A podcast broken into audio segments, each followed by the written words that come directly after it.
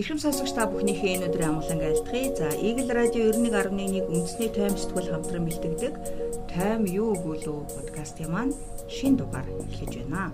За, энэ 7 хоногт бид цадиггүй цахим сурталчилгаа гэдэг сэдвийг хүнсэн байгаа. За, студид бидэнтэй харилцахаар үндэсний тайм сэтгүүлийн нийтлэлж тайм жишээлэг төмөр даасрын нар ажиллаж байна. За, өдрийн минь төргий. Өдрийн минь. За, энэ 7 хоногийн дугаарыг манай шилэг удирцсан. Гэхдээ онцлох одоо гол нийтлэл буюу манай корт багцын цадиггүй цахим сурталчилгааг хүндсэн материалыг бол манай даавка бичсэн байгаа тий. Тийм. За энэ удаагийн дугаарт онцлсон сэдв цадиггүй цахим сурталчилгаа буюу одоо нөлөөлөгчд инфлюенсер гэж өөрсдийгөө цоллоод нийгэмчдад тэднийг тэгж хүлээн зөвшөөрөөд байгаа хүмүүсийн хүмүүсийг шүүмжилж үтсэн. За тэгээд яг энэ инфлюенсеруудын сурталчилгаанаас олж хохирсон хэд хэдэн хүнтэй холбогдсон. За тэгээд ийм тохиолдол бас өмнө нь миний санджаар 12 сарчиг санагдаад байна. Бас нэг гараад бүр хохирогчдын групп нээсэн. Би бас тухайд сонирхоод орж исэн. Яасан гэхээр нэг нэр бүхэн инфлюенсер онлайн дэлгүүрээр сурталчилсан. Эндээс одоо бараа бүтээгдэхүүн худалдаж аваарай гэж сурталчлаад түүнд итгээд дамжаад онлайн дэлгүүрээс нь захиалга их урьдчилгаа мөнгө байршуулсан маш олон тооны иргэд хохирсон ийм гимт хэрэг болсон. Залингийн гимт хэрэг болсон. Тэгээ хохирогчд нөгөө инфлюенсертэй холбогдоод юугаа танд итгээд бид ингээ мөнгө алдчихлаа гэсэн нөгөө хүн болохоор би ажиллаа л хийсэн. Гэрээний дагуу хоёр стори нэг пост оруулж өгөх. Гэрээгээд гэрээнийхээ дагуу би стори пост л оруулж өгсөн. Би бол ямар нэг хариуцлага хүлээхгүй гэдэг тайлбарыг өгөөд тэгээд нөгөө хүмүүс бол итгэсэндээ бол хохироод өнгөрсөн өнгөрсөн нэг юм асуудал гарсан. Тэгээд эндээс юу нэг санаа авч авахын нийтлэлийг бичсэн. За тэгээд яг ингээд судлаад үзэнгүүт энэ төрлийн тохиолдол маш их байдаг. За бас нэг хүнтэй холбогдсон чинь нэг олонний танил Instagram хуудсанда 600 500 орчим дагагчтай их тийм Монголын топ инфлюенсерийн хамраа хийлгсэн нэг гоо сайхны имлэлийг сурталчлаад байсан. Тэгэхээр нөгөө эмэгтэйг тэнд хамраа хийлгсэн гэж очиод нөгөө газар нь хамар хийлгсэн, хамар өндөрлүүлсэн. Тэгээд нөгөө гоо сайхны мэдсэл нэг тийм амжилттай болж чадахгүй хамар нээдэхгүй ингээд эрүүл мэндээр гоо сайхнаар өнгөрцөн. Mm -hmm Тэгээд яг ер нь юу болчихв яагаад энэ хүн ингэвгээд судлаад үзсэн нөгөө эмэгтэй солонгост хамраа илгэсэн. Зүгээр л нөгөө гоо сайхны эмнэлэг мөнгөний төлцөө учраас стори пост оруулж исэн. Тэгээ яг энэ төрлийн жишээ маш олон байдаг юм байлээ. Ялангуяа энэ эрүүл мэндийн гоо сайхны мис ажилбартай холбоотой за тэгэхээр янз бүрийн төрөл бүрийн витамин, Т, баад, хүнсийн нэмэлтүүдтэй холбоотой юм гомдлууд бол бас хэрэглэгчдээс тасрахгүй. Тэгэхээр тодорхой хэмжээгээр яг нь зар зар сурталчилгааны бодит түүнийг зарлуулсан байгууллага хувь хүн хариуцагч гэлээ. Нийгэм нөлөөлж байгаа инфлюенсерүүд ялангуяа нийгмийн сүлжээнд энэ шүүлтүргүү ингэж хандж байгаа нөхцөлд бол тэр бараа бүтээгдэхүүн сурталчилж байгаа улсууд өөрсдөө бодит биетэр туршаад тий өөрөөсөө эрсдлээ бас хүлээж явах хэрэгтэй баха гэж Тэр би яг үнэхээр тэгдэг юм уу? Ямар байдлаар энэ нөхдүүд ажиллаад байна гэдгийг тодруул тандах гад нэг хит хит инфлюенсертэй холбогдсон. Тэгээ ингээд худлагаасаа э, компани нэрэлээд энэ компаниас холбогдож байна. Танаар ингээ PR сурталчилгаа хийлэгвэл үн хаашаа яадаг вэ? Та ямар нөхцөл тавьдаг вэ гингүүт миний холбогдсон хүмүүс бол яг мөнгөө ярьсан. Мөнгө нөхцлөө хэдэн стори оруулахын, хэдэн пост оруулахын тэрийг Facebook руу шеэрлэх үү яах вэ? А лайв хийвэл хэд байна гэ хаашаа ярьснаас биш намайг яг ямар төрлийн бүтээгдэхүүн бэ ч юм уу? Яг тухайн чиний сурталчлуулах гэж байгаа бүтээгдэхүүн чанараа аюулгүй байдал талаас нь ямар вэ гэдэг юуг шаардлагыг ч юм уу тодруулахгүй тий. Тэгэхээр энд ингээд ер нь юм хариуцлага гэдэг юм огтоосоо байхгүй юм байна гэж дүгнэж болох уу санагдсан. Тэгэнгүүт манайд болохоор ингээд хин дуртай нь олон дагагчтай болоо юу дуртайгаа сурталчлаад ингээд бүр амьдрчиж болж байгаа энүүгээр амжиргаагаа залгуулад тэнгүүд дэлхийн бусад оронд бол энийг хазаарлаад эхэлсэн байна л да. Тухайлбал Францд бол яг энэ инфлюенсеруудын зар сурталчилгааг хориглох тухай шинэ хуулийг баталсан байлээ. Тэгээ яг тэрэндээ сая таны хэлсэнчлэн нөгөө им гоо сайхны бүтээгдэхүүн мөнгө арилжаатай холбоотой зүйлийг сурталчилгахыг хориглосон. За тэгээд ер нь ямар ч төрлийг одоо нөгөө фэйсбુક дээр ингээд буст хийвэл спонсорд гэсэн бичиг гарч ирдэг шүү дээ. Яг тэрэн шиг а би би инфлюенсер байлаа гэхэд мөнгө аваад ямар нэг бүтээгдэхүүнийг сурталчилж байгаа тохиолдолд а тэрэн дээрээ тэмдэглэгээ би нэг мөнгөтэй сурталчилж шүү гэдгээ тэмдэглэдэг болж байгаа юм билээ. Тэгэхээр энэ жишгийг бас манайд нэвтрүүлвэл маш олон эрсдлээс сэргийлэх боломжтой юм байна шүү гэдэг санаагаар. Энэ равкагийн нийтлэлтэй залгуулаад манай Игэл ньюсийн орчуулж редактор Ган Чимгийн бичсэн бас үйл нөлөөлөгчд айсуу гэдэг бас олон улсын чиг хандлага эдгээр хэлсэн сонирхолтой нийтлэл байгаа. Тэгэхээр бид нар инфлюенсер гээл одоо хэдэн жилийн өмнө зүйлтэй нэг мод монголоор дуустдаг гэдэг шиг хутгалдаал ингээл эрүүл мэнд сэтгэл санаа мөнгө төгрөгөөр хохирол те баталгаагүй зар сахим сурталчилгаанд итгээд ингээд байдаг. А дэлхийн нийтийн чиг хандлага яаж яах гэхээр энэ сошиал медиагийн хит хит хэрэглээ. За үүнийг дагсан энэ инфлюенсеруудын гаж нөлөөнөөс сэргийлэхүүднээс дэ инфлюенсерүүд буюу үл нөлөөлөгчдийн айрын бол нэлээд бүрдэж байгаа юм. Эдгээр юу сурталчилж байгаа гэхээр сошиал тавигдсан, цахим тавигдсан энэ олон сурталчилгаануудыг хязгаарлах, цаашлаад тэдний үр нөлөө багасгах тий. А ингээд цаашлаад нөгөө нэг ялангуяа инфлюенсерүүд чинь бол нэг хит хэрэглээ илүү одоо бодиттой бус юм хуурмаг ертөнцид хүмүүсийг ер нь урайлан дууддаг гэдэг шээ. А тэгээд инфлюенсерүүд болохоор илүү бодит байдлыг нөхцөлийг шаарддаг. За тэгээ бас энэ байгаль орчин дээлтэй те аль болох энэ ялангуяа хувцсны тэрэн гоо сайхны энэ бараа бүтээгдэхүүний хит их юм хэрэглэнээс татгалцахыг уриалдаг юм залуу бүсгүүчүүдийн дунд ийм үл нөлөөлөгчтэй айрам бүрэлдэн бий болоод байгаа юм бэлээ. За тэд бас хэрэглэгчдийн өмнөөс хариуцлага нэхэж эхэлсэн гэдэг ийм таата бас миний хувьд бол таата мэдээлэл байсан. Тэгээ Тэгэхээр манайх нөгөө нэг онцлог нийтлэлтэйгээ дагалдуулж саяны нийтлэл орсон тайм орчуулгын нийтлэл гадаад одоо энэ үйл нөлөөлөгчдгээд одоо яг манад явж байгаа энэ манад бол одоо яг юунээсээ хоцроод явж байгаа ч гэсэн олон нийт бол хандлага бол ер нь бол өөрчлөгдөж байгаа гэж байгаа. Манай нийтлэлийг одоо сэтгүүлчд бас шеэрлэнгүүтэй ер нь судалгаанд судалгаагаар одоо энэ захим төгж байгаа мэдээллүүдийн худал мэдээллийг нэгдүгээрт эрүүл мэндийн мэдээлэл зар сурталчилгаа тэргүүлж байгаа гэсэн байлээ. Тэгэхээр ер нь бол одоо нөгөө нэг ямар ч баталгаагүй эрүүл мэндийн бараа бүтээгдэхүүн үр дүн тодорхойгүй зүйлс ингээд сурталчилдаг тэр байдлыг хийсэн. Аа тэгээд гадаад бол ингээд сая дагвын нийтлэл дээр бас орсон байгаа хуульчилж байгаас гадна нэг туульчлахаас гадна хоёрт олон нийт нь ингээд эсэргүүцдэг тэгээ бодиттой зүйл итгэхийг шаарддаг ийм ийм зүйл болсон юм байна. Тэгээд ер нь бол захим сурталчилгаа гэдэг зөвхөн инфлюенсер биш ингээ хүмүүсээр дамжихаас гадна зүгээр нөгөө нэг онлайн шопч гэдэг юм бараа бүтээгдэхүүний сурталчилгаа бол бас бодиттой бос байдаг шүү дээ. Одоо. Хургуулээд аваад хургуулээд тэгэхээр гэсэн бараа би яагаад ч итгэдэг байхгүй. Яагаад гэвэл хургуулж аваад тэд гэсэн бараа тэдээс хямдраад тэд гэсэн.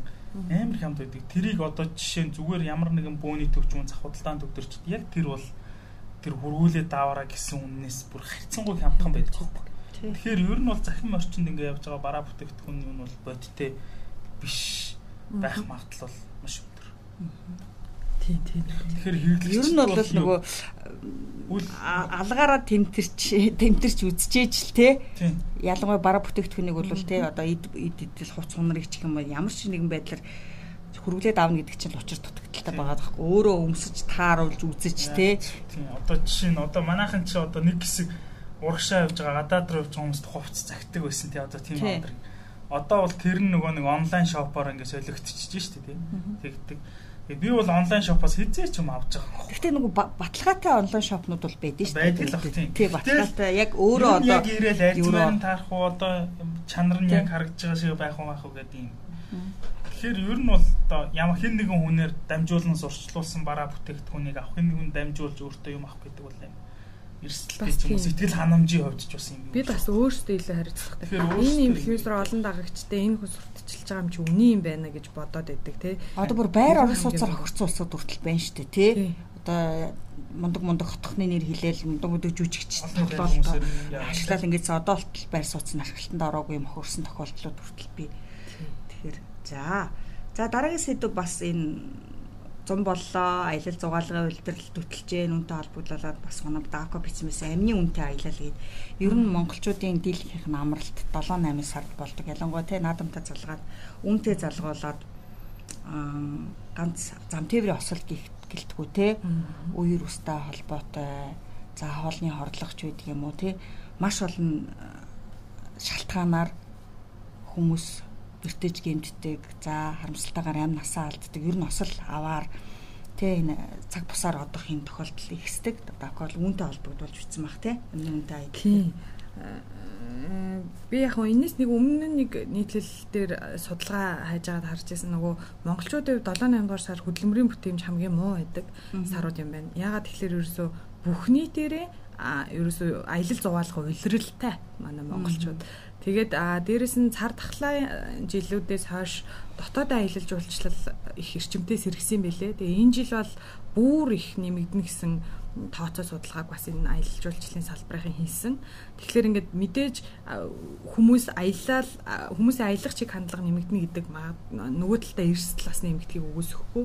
Тэгэхээр бүгдээрээ бас сэрэмж хизээд илүүтэхгүй маш тийм сонор байхгүй бол золгүй байдлаар аялах гад амрах гад дурсамж бүтээх гэж хагаад тэрнээсээ илүү их гар цохрол юм л тий аюул дууд э, болох вэ? Ерөөсөн анхаарал шүү гэдэг гэдгийг одоо анхааруулах зорилготой. Бас хажуугаар нь уул мөргөө аялах соёл гээд та байгальд ямар нэгэн байдлаар хог хаяглаад үлдээхгүй тий орчноо бохирдуулахгүй бас аялах хөвшилд. Одоо бол суралцмаар байна. Аялагчид нэг өдөрт дунджаар 270-аас 900 грамм бараг 1 кг хог хайдаг гэж байна шүү дээ өдөрт. Тэгээ 2 сая манай дотоодын аялагчид өдөрт 2000 тонн хог үйлдвэрлэж байгаа хэрэг шүү. Тэгэхээр байгальд ээлтэй аялаарай. За цаашлаад бас малын өвчлөл за байгалийн зоонуудын өвчин бас анхаарал татдаг тий. Одоо сайн нөгөө гоолтой. Өнөөдөр л ихэд говалтад таруу нахал илрээ 6 хоног бас хөдөлгөөн хязгаарлалчлаа штэ. Тэгэхээр манай ер нь 17 аймгийн 130 гаруй сум бол таруу нахлын голомттой. Энэ жил бол бас эрсдэлтэй жил гэдгийг анхааруулж байгаа шүү. Тэгээ дээрэс нь бас нэг нөгөө өмнө нас нэг сэдв бичих гарч исэн аялагчид ингээ аялахдаа тухайн бус нутгийнхаа ургамал ийг түүчдэг нөгөө эмээ ургамал мургамал. Тэр чинь ингээд нэгдүгээр дугаасаа тэгж түүгээд өөрөө оо гэртээ бэлтгээд өөрийгөө ангаах магадлал бага хоёрдугаар тэр эргэж байгальдаа төлжөхөд хэцүү Тэгэхээр ингээд нэг өөртөө хайртай, байгальтай хайртай аялдаг аялцгаая гэж уриалж байгаа шүү. За дараагийн сэдв манайх одоо улс төрийн сэдвэр бичсэн, шийдэг төмрөөр бичсэн. За үндсэн хуулийн өөрчлөлт орсон зүйлд за тэгээд улсын хурлыг нэг танхимтай парламентын нэг танхимтай 126 гишүүнтэй байхаар хуульчилсан хууль өөрчлөлт орсон байгаа. За үүнтэй холбогдуулаад 126 үнийг барайнд оруулах замын хагас зураг гэдэг материал бичсэн байгаа тийм эхлэгээ. Тийм. Тэгэхээр одоо бол 6 сар дуусах чинь тийм.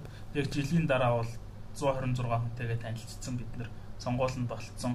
Тэгээ шинэ одоо 126 төлөөл ямар хүмүүс бай гэдэгт танилцсан байх нэ. За тэгэхээр энэ 126-ыг барианд оруулах замын хагас зураг гэдэг нь хагас гэдэг нь яг сонгуулийн үйл батлагдаад бүх зүйл тодорхойлж байгаа биш. Цаана тойрог мандат хуваарлах гэдэг тогтоолын төсөл улсын хурл баталдаг. Энийг бол сонгуулийн жилийн 2 дугаар сарын 1-ээс өмнө ирэх 24 оны 1 сард баталнаа. Тэгэхээр энэ дээр бол одоо тойргуудаа хэрхэн хуваарлах уу? За тэгээд тойрог нь одоо хэдэн мандаттай байх уу гэдэг зүйлүүд гарч ирнэ. За за ер нь энэ удаагийн сонгуулийн хууль бол нэг холимог тогтолцоогоор явах оруулж байгаа тийм пропорционал мажоритар гэдэг. За 2012 онд энэгээр явж исэн.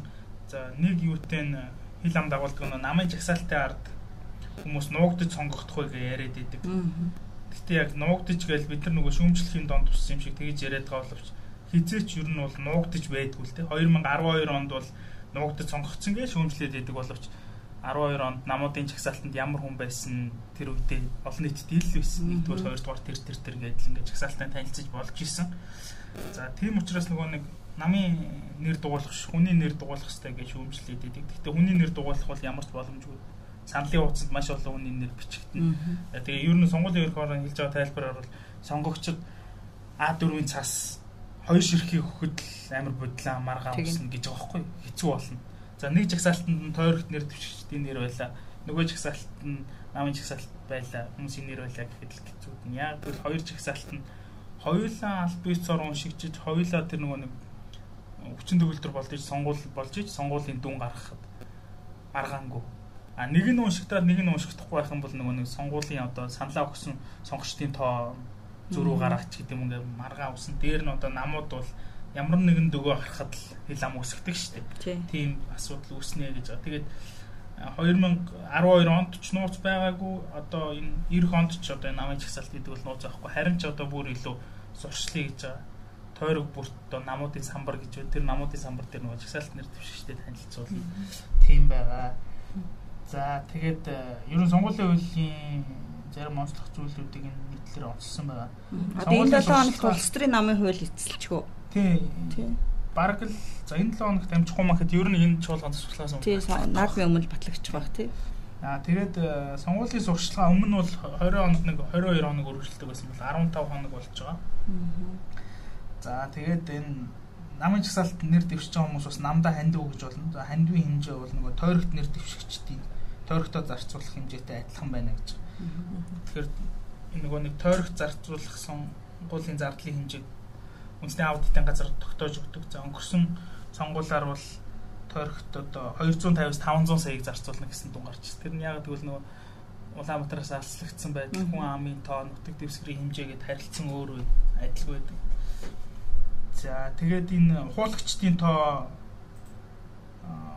200 сонгогч тутамд нэг байсныг 400 сонгогч тутамд нэг болгосон гих мэт ийм ийм өөрчлөлтүүд орсон байгаа.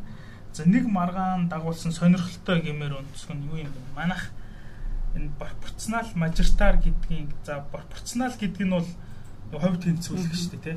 А мажоритар гэдэг нь болохоор нөгөө нэг арай одоо ойлгомжтой монголчлох гэхдээ олныг төлөөлөх гэж оруулсан байхгүй одоо үндсэн хуульд. За пропорционал буюу хувь тэнцвүүлснээр одоо юу яа хувь тэнцвүүлсэн чинь 48 тий. За тойргоос мажоритар буюу олныг төлөөлөх бас 78 гишүүн сонгоно гэсэн олныг мажоритар гэдэг нь олонхыг төлөөлөхийн зарчим байна. Гэтэл олныг төлөөлнө гэсэн гэдэг.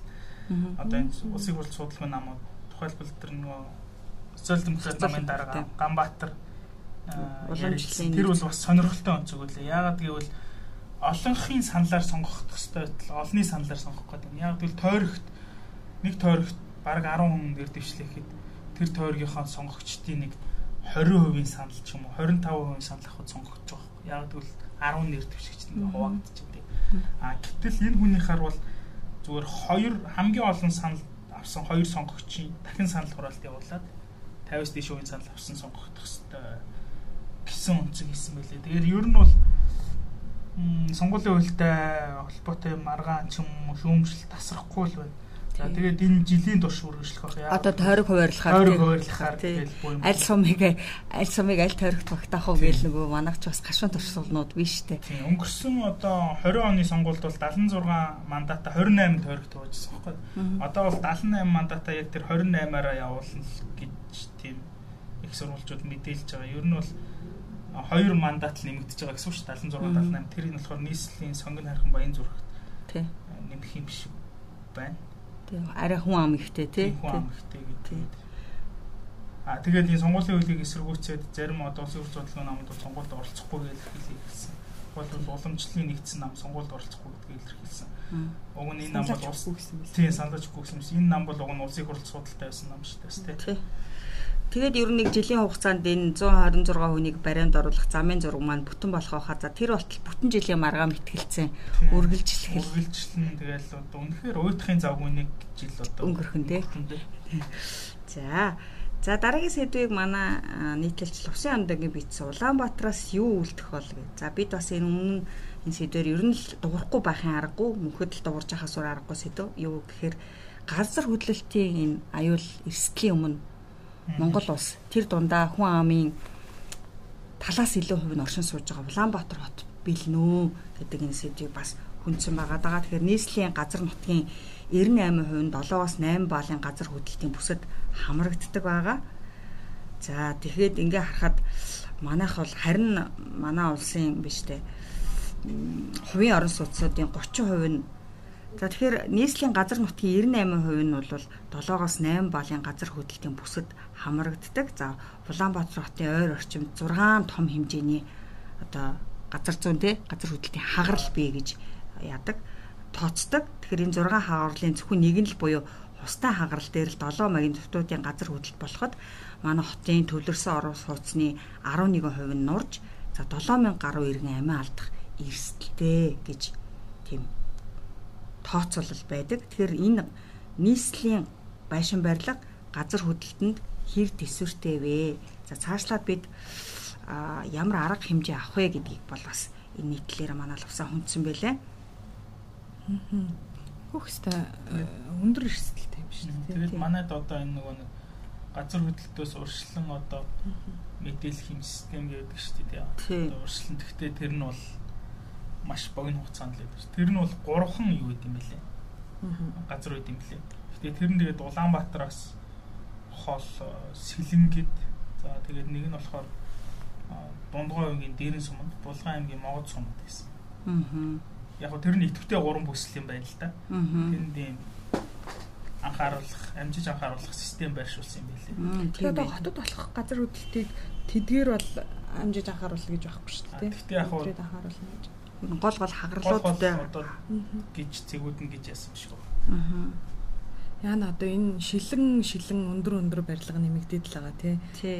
Бас барилгын чанартай холбоотой асуудал бол бас энэ дэр хөндөгдөн л дөө тий. Ерөнхийдөө бас нийслэлийн төрийн байгууллагуудад ирж байгаа иргэдийн гомдлын ихэнх хувь нь ерөөсөө барилгын чанартай холбоотой асуудлууд байдаг. За хоошод ч бид бас баригдаж байгаа. Өшөө одоо ингээд хот тэлхийн хэрээр за дахин төлөвлөлт дүрнүүд энэ гэр хорооллын оршин суугчдыг барилгажуул, хорон сууцжуулах хөтөлбөрийн хүрээнд ер нь л энэ стандарт тий уга байнга л нэгжих шаардлагатай. Хоошод ер нь нийслэлд баригдаж байгаа энэ орон сууцнд бол газар хөдлөлтийн норм стандартыг бас хангуулах шаардлага зүй ёсоор тулгарч байгаа. Ер нь бол одоо нийслэлийн төр захиргааны байгууллагуудад ирж байгаа иргэдийн гомдлын ерөөсө 72% нь дандаа энэ чанаргүй барилгын чанаргүй байдалтай холбоотой ийм санал гомдол эзэлдэм бэ нлээ. Дараагийн сэдв болохоор энэ аниргуун аюул гээд тэт олон улсын үйл амьдрал асан мэдээ. Тэгэхээр энэ олон улсын үйл амьдрал хэлсээ илүү хүрээлэн буй орчинтой холбоотой. За бид энэ хот тэлээл энэ суурин үргчийн хэрээр дуу чимээний бохирдол ихтэй хүмүүст үли ирж байна те дуу чимээний бохирдлоос болоод одоо ямар нэгэн байдлаар стресс бухимдал нэмэгдэж байна гэж өөрсдийнхөө тухайл хүмүүс бид яриад байдаг. А гэтэл ясам дээр бидний энэ үүсгэж байгаа дуу чимээнээс болоод амьтад дайжж байна. За амьтад дайжихын хажуугаар энэ дуу чимээнд амьтад дүлээрээд одоо өөрсдийнхөө зан үлийг одоо популяц гэж ярьдаг те одоо нөхөн үржихэн энэ үйлдэл нь бол алсарч одоо ингэж хорогдож байгаа ан амьтны тоо толгой юм хорогдож байгаа талаар биологчид одоо амьтын судлаачид бол анхааруулсаар байгаа. Тэгэхээр энэ ан амьтдын энэ нөхөн үржихэн зан үлийг сэргийхийн тулд олон улсын биологчид тун сонирхолтой аргыг туршиж байгаа юм билэ. Яг тэгэхээр дэлхийн олон орны за ялангуяа ихэнх нь бол энэ их Британий аан амьтны дуу чимээний номын сан гэж байдаг энд хадгалагдсан юм билэ. Ер нь дэлхийн олон оронд байдаг аан амьтдын одоо байгалийн чимээнүүдийг ингэж аудио бидлэр бичлэгээр хадгалагдсан. Энэ дуу чимээг ашиглаж одоо байгалыг өөрөөр нь сэргээх юм зөв тогтол туршиж байгаа юм байлээ. Тэгэхээр туйлын амжилттай болж байгаа. За далаа дээр далайн амьтдын дуу чимээ шуудын дуу чимээ ганганаач байдаг юм уу те? Ямар нэгэн байдлаар бидний чихэн сонсогдохгүй олон янзын чимээ байгаа даа шүү дээ. Бидний цэцбэл хурж сонсож чадахгүй. Энэ чимээнүүдээр байгальд сэргээж байгаа нөхөн үржгүүг нь дэмжиж байгаа энэ үйл явцуд бол тун амжилттай явагдаж байгаа юм билээ.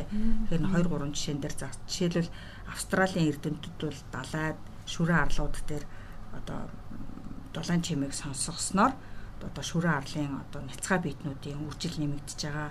За мөн энэ дэлхийн 2 дугаар дайны дараа одоо харахуудад усан цэргийн онгоцноос үлдсэн харахнаас болоод бүрэн сүрцэн байсан нэгэн арал те бүхэл зүйлийнх нь полимера гэдэг нэртэй арал юм байл л да. Одоо нөгөө харах гэдэг бол ерөөсө хотжилтын амтэн шүү дээ тэр далайн цэрэг усан онгоцоор дамжаад тэр арал дээр үлдсэн харахууд бол хэдхэн жилийн дотор ерөөсөл нэг 60 70 жилийн дотор тэр арлын бүх нялцгаа битэн амьтад бүх шуудын өндгийг идэж устгад дуусгасан. Тэгэд сайхан харахнаас сэргийлсэн ёо бүрэн цэвэрлснийхээ 2011 онд тэр арлыг харахнаас бүрэн цэвэрлсэн байлээ. Тэрнийхэн дараа одоо ингээд байгалийн унган төрхийг хадгалаад бусад одоо ан амьтдын сууршуулгасан боловч нэг харахнаас болоо зүрхэнд нь орсон байгаа шүү дээ. Ерөөсөө сууршихгүйсэн. За энийг яаж сэргээсэн гэхээр азар хадгалагдаж үлдсэн далайн шоудынхын дуу чимээг ашиглаад хиймлэр одоо өсгөгч ажилуулад ингээд ангууд буцаад шууд нэрээ цуглаад өсөж үржээд эхэлж байгаа юм таатай жишээ олон байлээ. Тэгээд энэ технологийн дэвшил энэ төр ашиглаа нарны одоо эрчим хүчээр ажилладаг чанга ярьж энэ төр байршуулад тэг яасан бэл. Ер нь бол амтж явах нас төр хэрэгтэй байсан мэлээ. Жохон нас ер нь бол жохон диско хэрэгтэй байсан тий. За дараагийн сэдвийг манай энэ хэн бичсэн бэ? А сарангуй бичсэн. Эерэг эго бол эд шид гэж шүү. Бид нар чи нөгөө нэг нэг хэсэг сөрөг сөрөг гэдэг үгэнд их дуртай болсон байлээ шүү дээ. Коронавигоос болоод те. Эерэг гэдэг үг чи айгу таагүй онцгой сонсогдол эерэг гарцсан эерэг бай гингүүт чинь жоохон таагүй сонсогдол сөргөл гэвэл нөө эрүүл мэндийн яамных маань сөрөг ураа гэж байжсэн шүү дээ те. А одоо буцаад эерэг болцгоё. Энэ эерэг энэ дээр бол эерэг гэдэг үг бол шууд утгаараа хэрэглэгдэж байгаа. За ер нь манайхан бол эго гэхээр л за нэг юм бие тоосон их замтай эгог бол хэрэггүй зүйл гэж л ойлгох тийм хандлага байгаа шүү дээ ярьж байгаа тийм. А гэтэл эерэг эго бол хүнд илүү өөртөө итгэх итгэл өсөж дэвжих тийм зүйл маш хэрэг болдог зүйл гэдэг. Тэгэхээр ялангуяа бүгднийх хятадд бол үндснийхээ хэмжээнд өөртөө өндөр эго амбицтай болох төлөвлөгөө боловсруулсан юм юм байт юм байна л та. Ер нь бол иргэдийнхаа одоо итгэлийг сэргээх өөртөө итгэлтэй болох хийж байгаа зүйлдээ одоо юм сэтгэл хангалуун байх тийм За ер нь бол би чадна л гэсэн. Ер нь настрал хэрэгтэй байдаг. Тийм юу юм бэ. Тэгээ манайхан бол одоо эго та хүмүүсийг бол амбицтай өнгөрөө гэсэн үг гэж тэгдэг боловч тэр тэр хүн өөрөө тэрийг харин зөв өдөрдөж чадах юм бол энэ бол маш хэрэгтэй зүйл шүү гэсэн тийм. Тэгээ ерөн зөвхөн амьдрал дээр анзаарч яхад ч гэсэн ингээл их сургууль мургуул тэм нэг эготой тий 10 жилд ч гэсэн юм нэг эготой амбицтай хүн хийхэг гэдэг хийхэг гэж ярьдаг. Гэхдээ яг нэдэр дээрээ тийм хүмүүс илүү амжилттай, тийм хүмүүс илүү онд сурдаг гэж байд юм уу? гол тэгээд нэг илтгэгч ч байд юм уу тий. Тийм байх хандлагатай байдаг тий. Манай дөө нөгөө хүсэлээр даличихгүй л тий. Сургалтын төвд ажилладаг байхгүй. Тэгээд ингээд сургалтын төвд ингээд ирэх гээд ингээд тэндээс сургалт авч байгаа улсуудыг ингээд харьцуулаад харахад тийм эготой улсууд илүү нэг суралцах чадвар өндөртэй өөртөө зорилгоо тодорхойлцсон байдаг. А тэрнээс биш за яг нэг эцэг эхийн албан шаардлагаар энийг яш бэлтгэх дамжаач юм нэг альц мал цэхүүлэх дамжаад энийг хүүхдийг сургацъя гэдэг аав ээжигээ дагуулад аав ээжтэй хөтлүүлээд ирсэн хүн бол мөнгөний л гар золдог гэж байгаа гахицгүй. А эготой өөрөө тэрийг тодорхойлцсон улсууд бол амжилтанд хүрэхин чилүү байдаг богино хугацаанд мөнгөөч хэмж чаддаг гэж байгаа байхгүй тийм сургалтанд сунжраад байхгүй. За дараагийн сэдвийг нямц хэрэг бичсэн байсан тийм энэ юу алдагдсан сахитав бот гэдэг. За энэ материалыг бол би яг тогтож уншаагүй энэ үг хэлэхэд. Энэ бол юу л дээ. Саяны ер нь бол за зөвхөн эготой байхаас гадна хүн юм тууштай байх хэвээр яг юу хүсэж जैन тэрнийг мэддэг байх хэвээр гэсэн агуулгатай. За ер нь ингээд хүн нэг юмыг ихлүүлээл сэтгэлийн хөдлөлөөр ч юм уу ингээд үнэхээр хүсээд ихлүүлсэн байсан ч гэсэн тэрний харах тууштай ингээд явдггүй. Тэрнээсээ болоод маш олон зүйлийг алддаг боломжоо алддаг. Тэгэхээр ер нь ингээд бүх зүйл дээр юм сахилэг баттай тууштай байх нь чухал шүү гэдгийг онцгсон за тэгээд энэ дээр бас юм хүмүүний бас юу орсон байгаа? Ишлэл.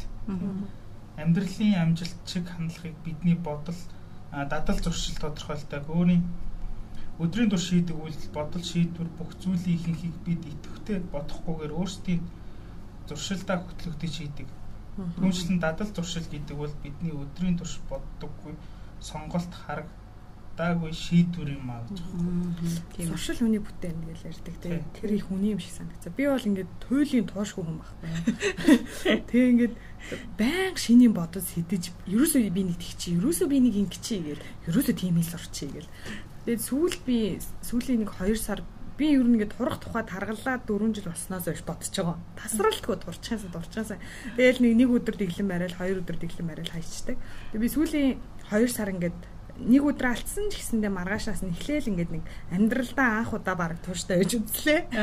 Тэгээд үр дүнд нь би бас тодорхой хэмжээний жин хайсан. Тэгэхээр ингээд эхэндээ хэцүү байд юм байна. Ингээл амар хэцүү. Тэгээ нөгөө иддэг чихэршклаад бодогдоол дасгал масгал хийхэр хэцүү санагдал. Тэнгүүтлээ яваандаа ингээд зуршил болчдөг. Яг л хүн өглөөс шүдөө гадагтай адилхан өглөө өглөөнийхөө цаг уун тий өдөр хоолойг нь орой тийм болоход амар цаг хугацаа болдог тий. Би ч гэсэн өглөө босоод төрнөкөн дээр 10 сунаагаал нурууны татлаг одоо энэ нурууны татлаг гэдэг одоо байн суугаад тэрэн дээр нэг 10 за нэг 10 минут нь хашийн 5 минут ч юм уу зүгдэл тасгал хийгээл тэгэл нэг гар дээрээ хоёр сунаагаал ч юм. Тэгэл уг нь бол би тэр ихтэй их туссан үед идэх баг. Гэхдээ өглөө болох нь тэрийг хийдэг болчихвол амар гоё баг. Тий, эхний 10 хоног тогтох хүртэл бас хэл цаг хугацаа шаардлагатай. За би тэр талаар мөрөөдөгч байгаа.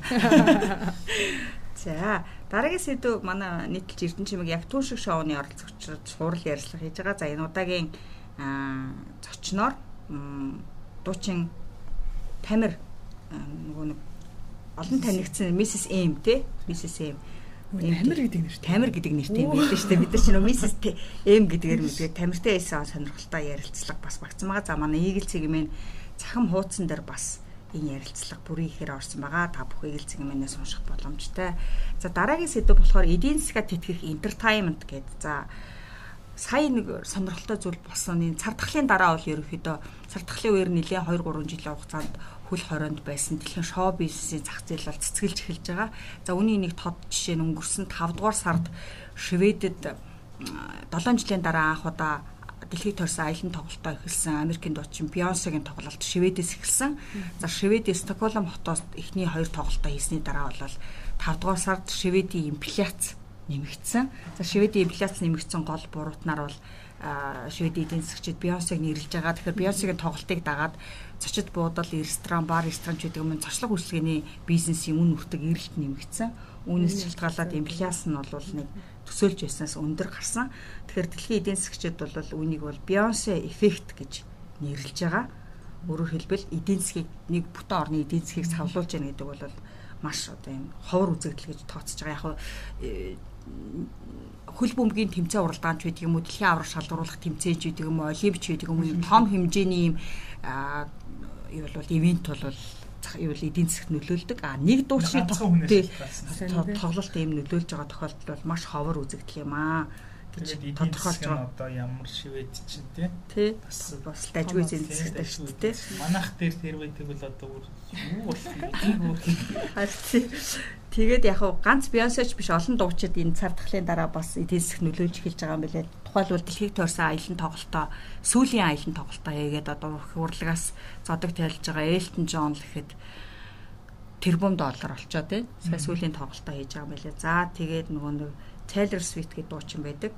Энэ хүний тоглолт гэхэд Америкийн эдийн засагт 5 тэрбум доллар шууд бусаар оруулж байгаа юм билээ.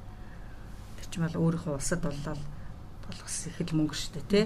За тэгээд ер нь бол энэ дуучид entertainment зах зээл улсын болон улс хотынхаа эдийн засагт нөлөөлдөг жишээ бол эртвэст эхэлтэй. Жишээлбэл одоо алдарт Beatles хамтлаг гэдэл бодоод үзэхэд ч юм бол 1964 онд Британий эдийн засаг туйлын хэцүү байх үед Beatles хамтлаг бол улсынхаа эдийн засгийг аварсан гэж үздэг.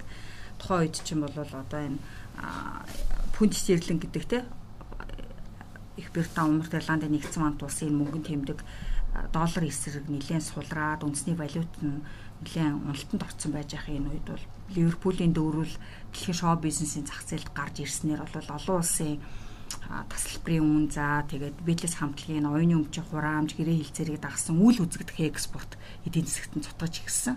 Тэгэхээр их Британий одоо энэ гадаад худалдааны тэнцвэрийг барихад тусалсан байлаа. Тэгээ одоо ч гэсэн Битлес хамтлаг өөрсдийнх нь тэр төрлөх Ливерпул холын хотынхаа эдийн засагт жил бүр 82 сая фунт стерлингийн орлого оруулдаг. Энэ юу гэхээр Ливерпулийн түүхийг өгүүлсэн одоо жуулчид те үзгсэн жуулчид ирдэг. За хамтлагийн түүхтэй холбоотой аялал жуулчлалын бизнес эрхэлж байгаа 2000 гаруй хүнийг ажлын байраар хангаад одоо ч гэсэн тэжээгээд явж байна. Өөртөө байхгүй ч өөртөө тарсан байхгүй өөртөө яг яадаг ч гэсэн тэгэл явагдчихл байгаа байхгүй. За ойрхны жишээгээ бодоход BTS гэдэг солонгосын хамтлаг байгаад байгаа. За энэ хамтлаг сая 10 жилийн хойг тэмдэглэлээ. Дөнгөж одоо энэ сарын дундуур тэмдэглэсэн шүү дээ, тэ. Тэгэхээр энэ хамтлаг бол аа солонгосын эдийн засагт жилдээ 3.9 тэрбум доллар оруулдаг зөвхөн ганцхан хамтлаг шүү дээ. За сая энэ 10 жилийнх нь ой болж байгаа энэ 2 хоногийн BTS Pesta гэдэг энэ арга хэмжээний үеэр Сөүл хотод ирж байгаа жуулчдын тоо зөвхөн энэ хамтлагийн энэ юг үзүүлэх тоглолтыг үзэхэд бол 13 хувиар өссөн. За 3 өдрийн тоглолтоос улсынхаа эдийн засагт үзүүлсэн өр өр нөлөө нь бол одоогийн байдлаар 1 их 80 бонд аваа явж байгаа. Магадгүй энэ тоглолтын бичлэг те тоглолтын энэ үеэр явагдсан худалдаанд гарсан Mercedes бүтээгдэхүүн гэдэг идэг шүү дээ. Одоо бодвол юу байдгийг энэ юмдын тоо бол цаашаагүй өсөөд явна гэх мэтчлийн юм улсынхаа эдийн засгийг тэтгэдэг жишээнүүд олон бий. За цомхон эдийн засгтай улс орнуудад ч гэсэн бүр уран бүтээлчд нь дотоодын нийт бүтээгдэхүүнийхээ ихэнх хувийг үйлдвэрлэсэн тохиолдол байдаг. Жишээлбэл Ирландын алдарт YouTube гэдэг хамтлаг байдаг. За энэ хамтлаг бол 90-ад оны одоо Ирланд 90-ад онд эдийн засгийн өсрөнгөө хөгжил үзүүлэхээс өмнө YouTube хамтлаг бол улсынхаа экспортын 3 гол бүтээгдэхүүний нэг нь хэлсэн бүр. За Исланд гэдэг бас жижиг арлын улс байдаг. За энэ улсын Бьорк гэдэг алдартай дуучин, жүжигчин, зураач одоо тийм уран бүтээлч байдаг. За энэ бүсгүй бол 2008 оны Исландын эдийн засгийн хямралын үеэр банкны салбар нь ерөнхийдөө дампуурал төртөөд а гадны хөрөнгө оруулагчид Исландын банкны салбараас гарч явж хахад Бьорк өөрөөсөө 100 сая корон гаргаад За зөвхөн байгаль орчин дээлтэй тогтвортой бизнесүүдийг энэ мөнгөөр дэмжин шүү гэдэг нөхцөлтөөр банкныхаа салбар 100 сая крон оруулж одоо банкныхаа салбарыг бас аварж ирсэн тохиолдол байгаа даа. За хамгийн тод жишээ За 1974 онд Eurovision наадам төрүүлсэн цагаас хойш дэлхийн нийтийг одоо болтол байлдан дагуулсаар галдарт Абба хамтлаг гэдэг 50 50 жил болж байгаа хамтлаг шүү дээ. Энэ хугацаанд 400 сая цомог борлуулсан. За одоо болтол дэлхийн хөгжмийн зах зээлээс валют зулгаасаар л байгаа. За үүнд нь Шведийн засгийн газар АБА хамтлагт талархал илэрхийлээд өнгөрсөн жил мэхийн ёсолсон байна. Гэх мэтчлэнгээр entertainment салбар улс орныхоо эдийн засгийг бүс нутгийнхаа дэлхийн эдийн засгийг тэтгэж байгаа олон тохиолдол жишээ бий. За манай алдар одоогор дэлхийн зах зээл гарчаад байгаа хүү хамтлаг маань за Монголд яг чиглэсэн доллар хизээ зулгааж ирэхийг бас харж ирсэн тий. Зулгаж байгаа хөө хүү хамтлаг ямар улсад амьдэрдэг Монгол улс нь ямар улс байдгийг ингээд нэг цөөхөн ч гэсэн хүн тэрүүгээр яаж ирж л байгаа байлгүй тий. Тий.